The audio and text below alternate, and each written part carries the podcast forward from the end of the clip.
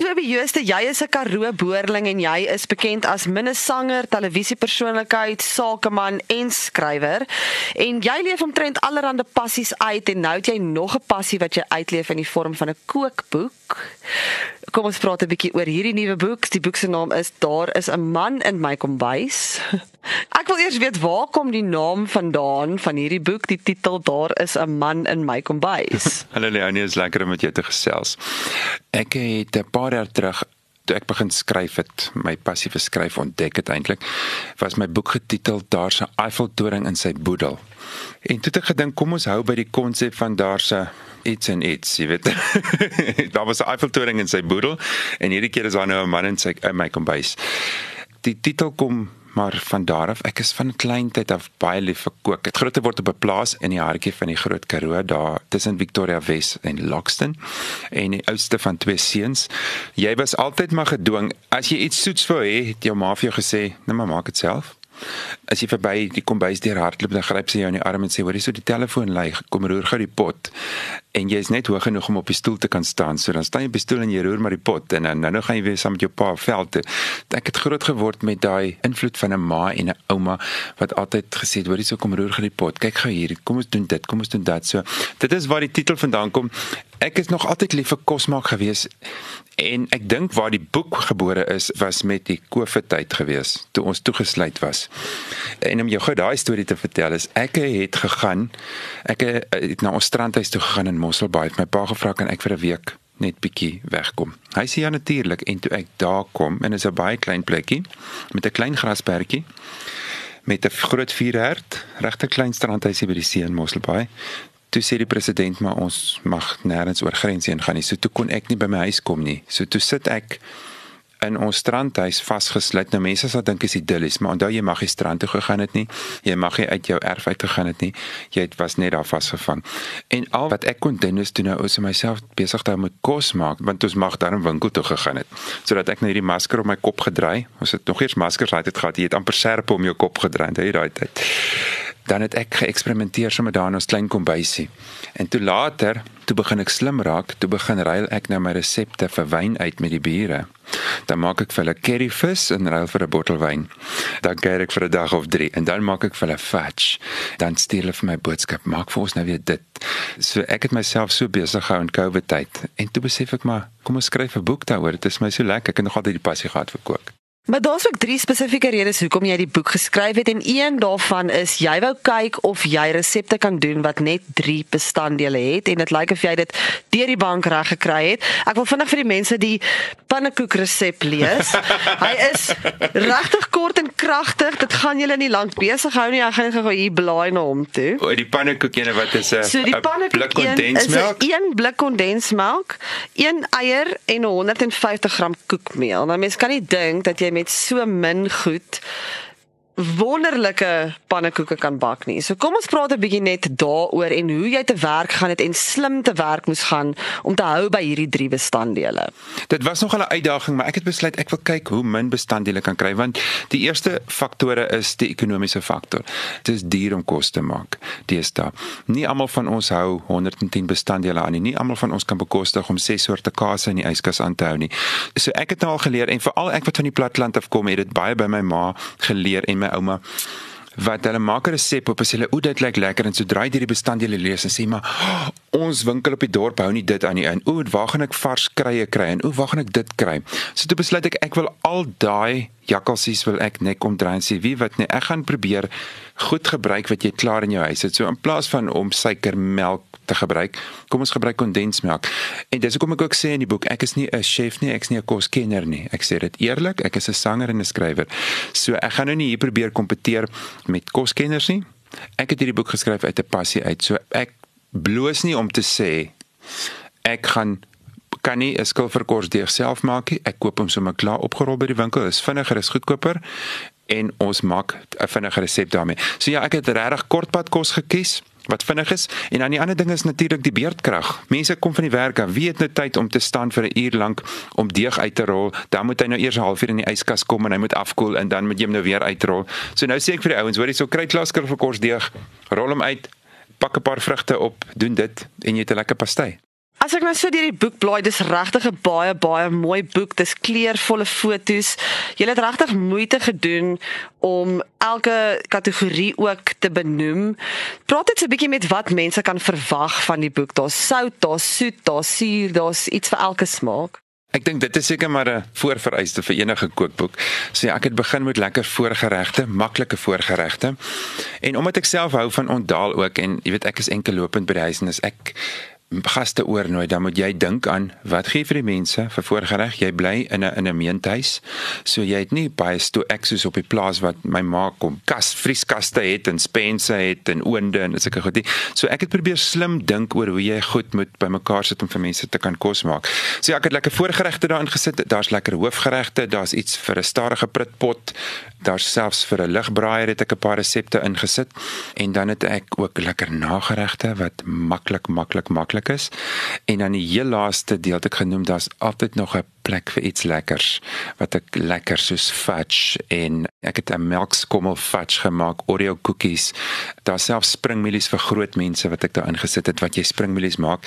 Jy braai 'n bietjie spek met 'n Japaneese chorizo sousie wat brandsousie is. Jy meng dit saam met die spek gooi dit bo oor die ehm um, springmielies en jy het hierdie lekker brandsousie springmielies wat jy kan met jou vingers lekker aflek vir die TV. So ek het so 'n bietjie iets van alles ingesit. Die boek is nou al 'n rukkie op die mark. Hoe lyk die terugvoer wat jy nou al tot dusver oor die boek gekry het? Die terugvoer is ongelooflik. Ek moet bieg, ek is baie bang geweest want omdat ek 'n sanger is en ek weet wat ek kan doen met my musiek en ek weet wat is die terugvoer daarvan en omdat jy sing, jy kry dadelik 'n reaksie. Moes ek hierdie boek uitsit en gedink het wat gaan die mense nou hiervan dink? Maar ek moet vir jou eerlik sê en ek is baie dankbaar die terugvoer is ongelooflik. Wat ek baie kry is is mense sê vir ons, "Hoorie, ons het nie meer tyd om te kook nie." Die lewe is te gejaag. Dit is te duur. So ons is mal oor jou drie bestanddele resepte. Die ander ding, ek het ver oggend 'n vriendin het my ma eintlik gebel en op pad hierheen het my ma my dit vertel. Sy sê sy maar sy wil drie boeke hê. Sy wil vir elke kind 'n boek koop wat op universiteit is want sy weet haar kinders het niks bestanddele in die kaste nie. Maar met my boek kan jy 'n hele gebakte hoender maak deur 'n bietjie brandewyn, 'n bietjie spek en 'n hele hoender en jy het 'n hele gereg en sit 'n paar aardappels by. So dit is lekker vir dit. En dan die ander ding is vir kinders ek wil graag vir kinders die liefde vir kos maak aanleer. So ek dink wanneer 'n kind eersins sukkel 'n kind om te lees. So dadelik as die kind net kan sien hoorie so hier's drie bestanddele en ook uit 'n ouer se oogpunt uit dit is nie so duur eksperiment as die kind dit opmors nie. Sy sê vir hoorie so hier's drie goedjies, kyk of jy dit kan maak en op daardie manier kweek jy die liefde vir kos maak ook vir kinders want ek dink dit is tog belangrik. Want ek moet eerlik vir sê Leonie, ek is bekommerd oor die toekoms van kos wegneem etes word al meer daar elke week maak daar 'n nuwe 'n nuwe wegneem ete restaurant oop en dit is so maklik om dit net te koop en te eet. Maar ek glo tog om te gaan kos is nie net gaan nie net oor eet dit gaan oor dit is wanneer ons kom sit en ons kuier saam en ons leef 'n passie. Ons gebruik al ons sintuie. Jy hoor, jy proe, jy sien, jy vat, jy voel. So kos is die enigste ding wat jy om 'n tafel gaan sit en jy gebruik al vyf jou sintuie en jy kommunikeer ook met die mense in jou huis. Uiteraard het kos ook baie stories tot gevolg. Dit is iets wat mense bymekaar bring. Jy het self 'n hele paar oulike staaltjies en jy het nou-nou vir my iets gesê van 'n tannie wie se valstande vasgesit het. Vertel 'n bietjie vir ons wat het daar gebeur. jy wat so lief is vir jou pannekoek resep wat jy nou net my gedeel. Ja, ek het groot geword in Victoria West, klein dorpie daar in die Karoo. En ek sal nooit vergeet nie. Dit was altyd eenmal 'n jaar die kerkbazaar en dan moet almal bymekaar kom. Die mans moet vleis werk, die vrouens moet pannekoek maak en die party bak koeke, dit is 'n hele storie. En ek sal nooit hierdie staaltjie vergeet nie. Ek was baie klein. Ek onthou toe moes ons die Vrydag aand pannekoek deeg aanmaak. Maar nou praat ek van 200 liter deeg wat aangemaak moet word want daai volgende dag is al wat leef en beef kom van die plaas af dorp toe almal kom koop pannekoek. Al die geld gaan vir die kerk. En dit was altyd baie pret geweest en nou en ek sal nooit hierdie staaltjie vergeet. Ek was baie klein en ons het altyd het jy ook 'n dorpshuis gehad. Ek het op 'n plaas groot geword maar dat jy 'n huis nie dorp gehad. Nou word dit by ons dorpshuis gehou waar al die tannies nou bymekaar kom en dit was 'n vreeslike gekuier. En ek sal nooit vergeet die een tannie op ons dorp, sy het die beste pannekoek resep gehad. So almal het seker gemaak. Ek gaan nou nie haar naam noem nie want ek dink haar kinders leef nog. Almal het geweet ons moet haar daar kry want as sy daar is, is hierdie pannekoek net absoluut jy weet die beste. Maar sy het so 'n bietjie van 'n 'n probleempie gehad met die bottel. So om haar daar te kon kry, moes ons seker maak daar's altyd 'n half jack in die kombuis weggesteek. En ek sal nooit vergeet die ons is toe nou besig om die pannekoekdeeg aan te maak en die tannie sy drink haar doppie en sy maak die beste deeg aan in die wêreld. Op 'n stadium hoor ons nie voor hy se deure staan ons nou oop daai jare. Die hoor ons maar daar's 'n klop in die dominee roep jy weet hy wil seker nou maar net kom kyk hoe jy weet hoe gaan dit nou hier? En hy roep en hy sê kan ek inkom? Kan ek inkom? En een van die vrouens skree steek weg die brandewyn hier kom Dominee. Op daai stadium gryp een van die vrouens die brandewyn en steek dit in die kombuiskas tussen die skoonmaakmiddels weg. En hulle is toe nou almal so hysteries van die lag laat die spesifieke tannie wat toe so lief is vir haar doppie. Sy lag die hardste van almal en toe sy vooroor buig en lag toe val haar valstande binne die emmer deeg.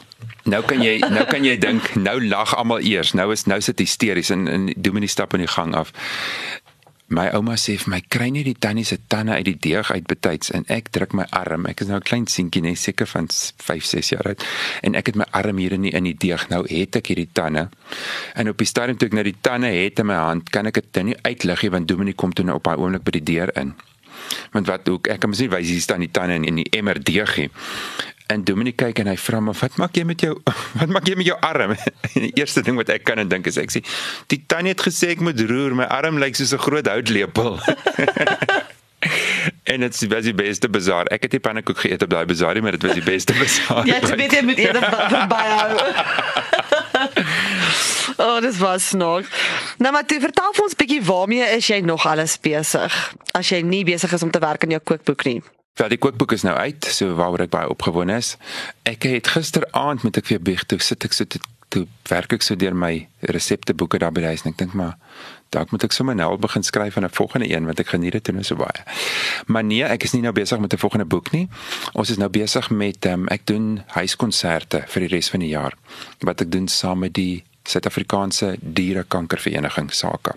So ek het ehm um, kragte saam met hulle gesnoer en gesê kom ons gaan hierdie jaar vir die res van die jaar en ons gaan na mense se huise toe. Dan hou ons 'n lekker huiskonsert. Ek bring my klavier.